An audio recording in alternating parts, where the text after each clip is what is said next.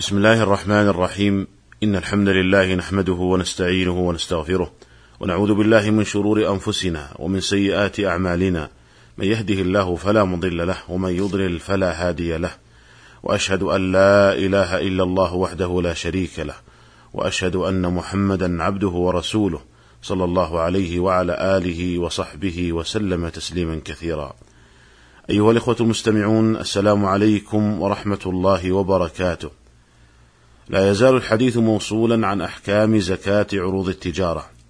وأتحدث معكم في هذه الحلقة عن جملة من المسائل المتعلقة بها. وأبتدئ الحديث عن زكاة العقار المعد للتجارة. فالعقار الذي يباع فيه ويشترى ويريد أصحابه منه التجارة تجب فيه الزكاة. ويزكى زكاة عروض التجارة. وبناء على ذلك تجب الزكاة في المساهمات العقارية وتزكى زكاة عروض التجارة بحيث يقدر عند تمام الحول من كل سنة نسبة الربح مع أصل الأسهم ويخرج ربع عشر قيمتها. وأما العقار الذي يتخذه الإنسان للسكنى فلا زكاة فيه. وهكذا العقار الذي يؤجره لا زكاة في أصله وإنما تجب الزكاة في غلته إذا حال عليها الحول. ومثل ذلك المستغلات عموما لا تجب الزكاة في أصولها وإنما تجب في غلتها إذا حال عليها الحول. فالمصنع لا تجب الزكاة في أصله وإنما تجب في غلته. وكذا المغسلة لا تجب الزكاة في أصلها وإنما تجب في غلتها إذا حال عليها الحول. وسيارة الأجرة لا تجب الزكاة في أصولها وإنما تجب في غلتها. وقد صدر في هذا قرار من مجمع الفقه الإسلامي الدولي وجاء فيه أن الزكاة غير واجبة في أصول العقارات والأراضي المأجورة وأن الزكاة إنما تجب في الغلة وهي أي الزكاة ربع العشر بعد دوران الحول مع, مع اعتبار توافر شروط الزكاة وانتفاء الموانع. أيها الإخوة المستمعون، وأما زكاة المساهمات المتعثرة التي دخل المساهمون فيها بنية التجارة، ولكن هذه المساهمات تعثرت لأي سبب من الأسباب، فهل تجب فيها الزكاة؟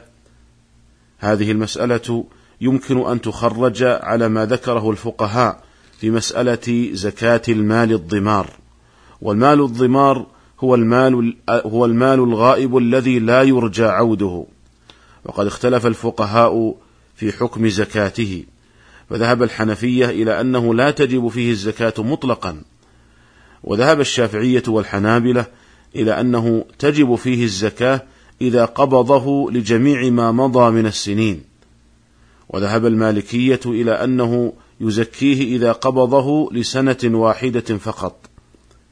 وهذا القول الأخير هو الأظهر في هذه المسألة والله تعالى أعلم. وذلك لأنه في السنة التي قبضه فيها قد أصبح مقدورا عليه، فوجبت فيه الزكاة لتلك السنة. وأما ما قبلها من السنوات فهو غير مقدور عليه، وخارج عن يده وتصرفه. ومن شروط وجوب الزكاة الملك التام للمال، وهو غير متحقق في تلك السنوات. ثم إن الزكاة إنما تجب في المال النام وما في حكمه وهذا المال الضمار ليس بنام في تلك السنوات فلا تجب فلا تجب الزكاة فيه. ومما يدل لهذا ما رواه ابن أبي شيبة عن عمرو بن ميمون قال أخذ الوالي في زمن عبد الملك بن مروان من مال رجل فأدخل في بيت المال.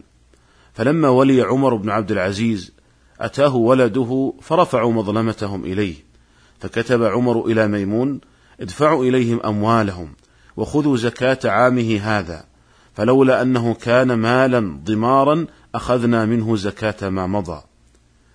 وهذه القصة تدل على أن عمر بن عبد العزيز رحمه الله يرى أن المال الضمار إنما يزكى لسنة واحدة فقط إذا قبضه دون ما مضى من السنين.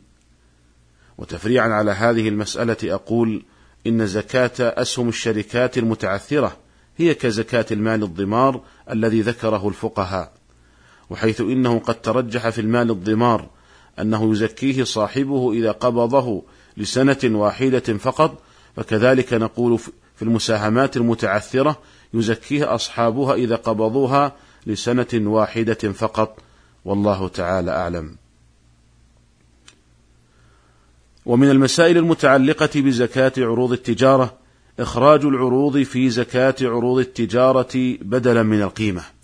فإن الأصل في زكاة عروض التجارة أنها تخرج من القيمة فلا تخرج من عين ما أعد للتجارة. ولكن لو أراد الإنسان أن يخرج زكاة عروض التجارة من العروض نفسها فهل يسوغ ذلك؟ مثال ذلك رجل يتعامل بالتجارة.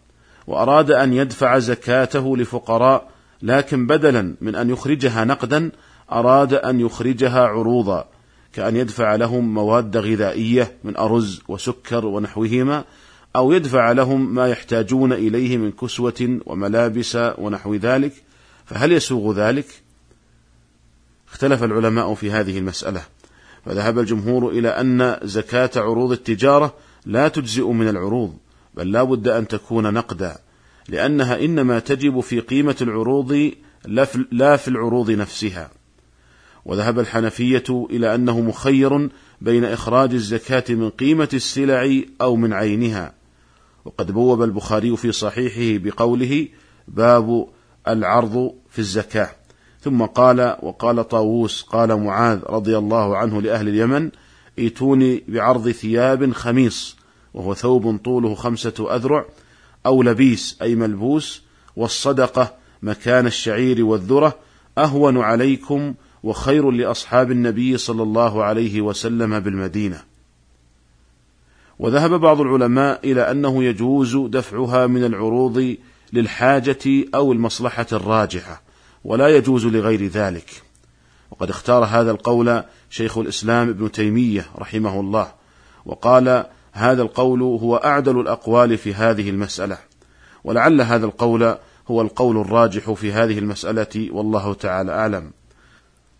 وبناء على هذا لو أن رجلا أراد أن يدفع زكاته لفقير لكنه يعلم من حال هذا الفقير أنه سيء التدبير لأمواله أو أنه ربما صرف المال الذي يأخذه من الزكاة في معصية.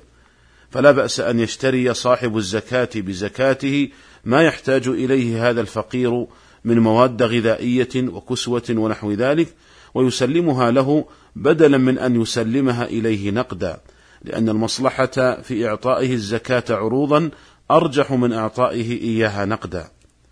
وعلى هذا أقول أيها الإخوة لا بأس أن تتعاقد الجمعيات الخيرية مع محلات مواد غذائية على أن تدفع لها تلك الجمعيات زكوات وتعطيها قائمة بأسماء أسر فقيرة.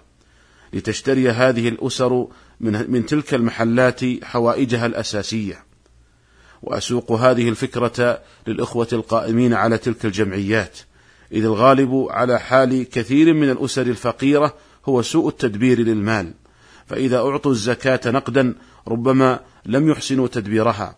ولكن بتطبيق هذه الفكرة المتفرعة من القول الراجح الذي اختاره جمع من المحققين من أهل العلم يمكن أن تكفى أسر فقيرة حوائجها الأساسية من الطعام والكسوة على مدار العام والله الموفق. أيها الإخوة المستمعون، على المتعاملين بالتجارة أن يعنوا بضبط زكوات تجاراتهم، وأن يخرجوها إلى المستحقين، وأن يسألوا أهل العلم عما يشكل عليهم من أحكامها، فإن من الناس من يفتي نفسه بنفسه في زكاة ماله، ولا يسأل العلماء عنها مخافة أن يفتى بوجوب الزكاة فيها أو في أنواع منها فيشق عليه إخراجها. وهذا لا يعفيه من المسؤولية وليس بعذر له أمام الله تعالى. ولو أن المتعاملين بالتجارة أخرجوا جميع زكواتهم وأوصلوها للمستحقين لسدت حاجات كثير من الفقراء والمساكين والموفق من وفقه الله تعالى. وإلى الملتقى في الحلقة القادمة إن شاء الله. والسلام عليكم ورحمة الله وبركاته.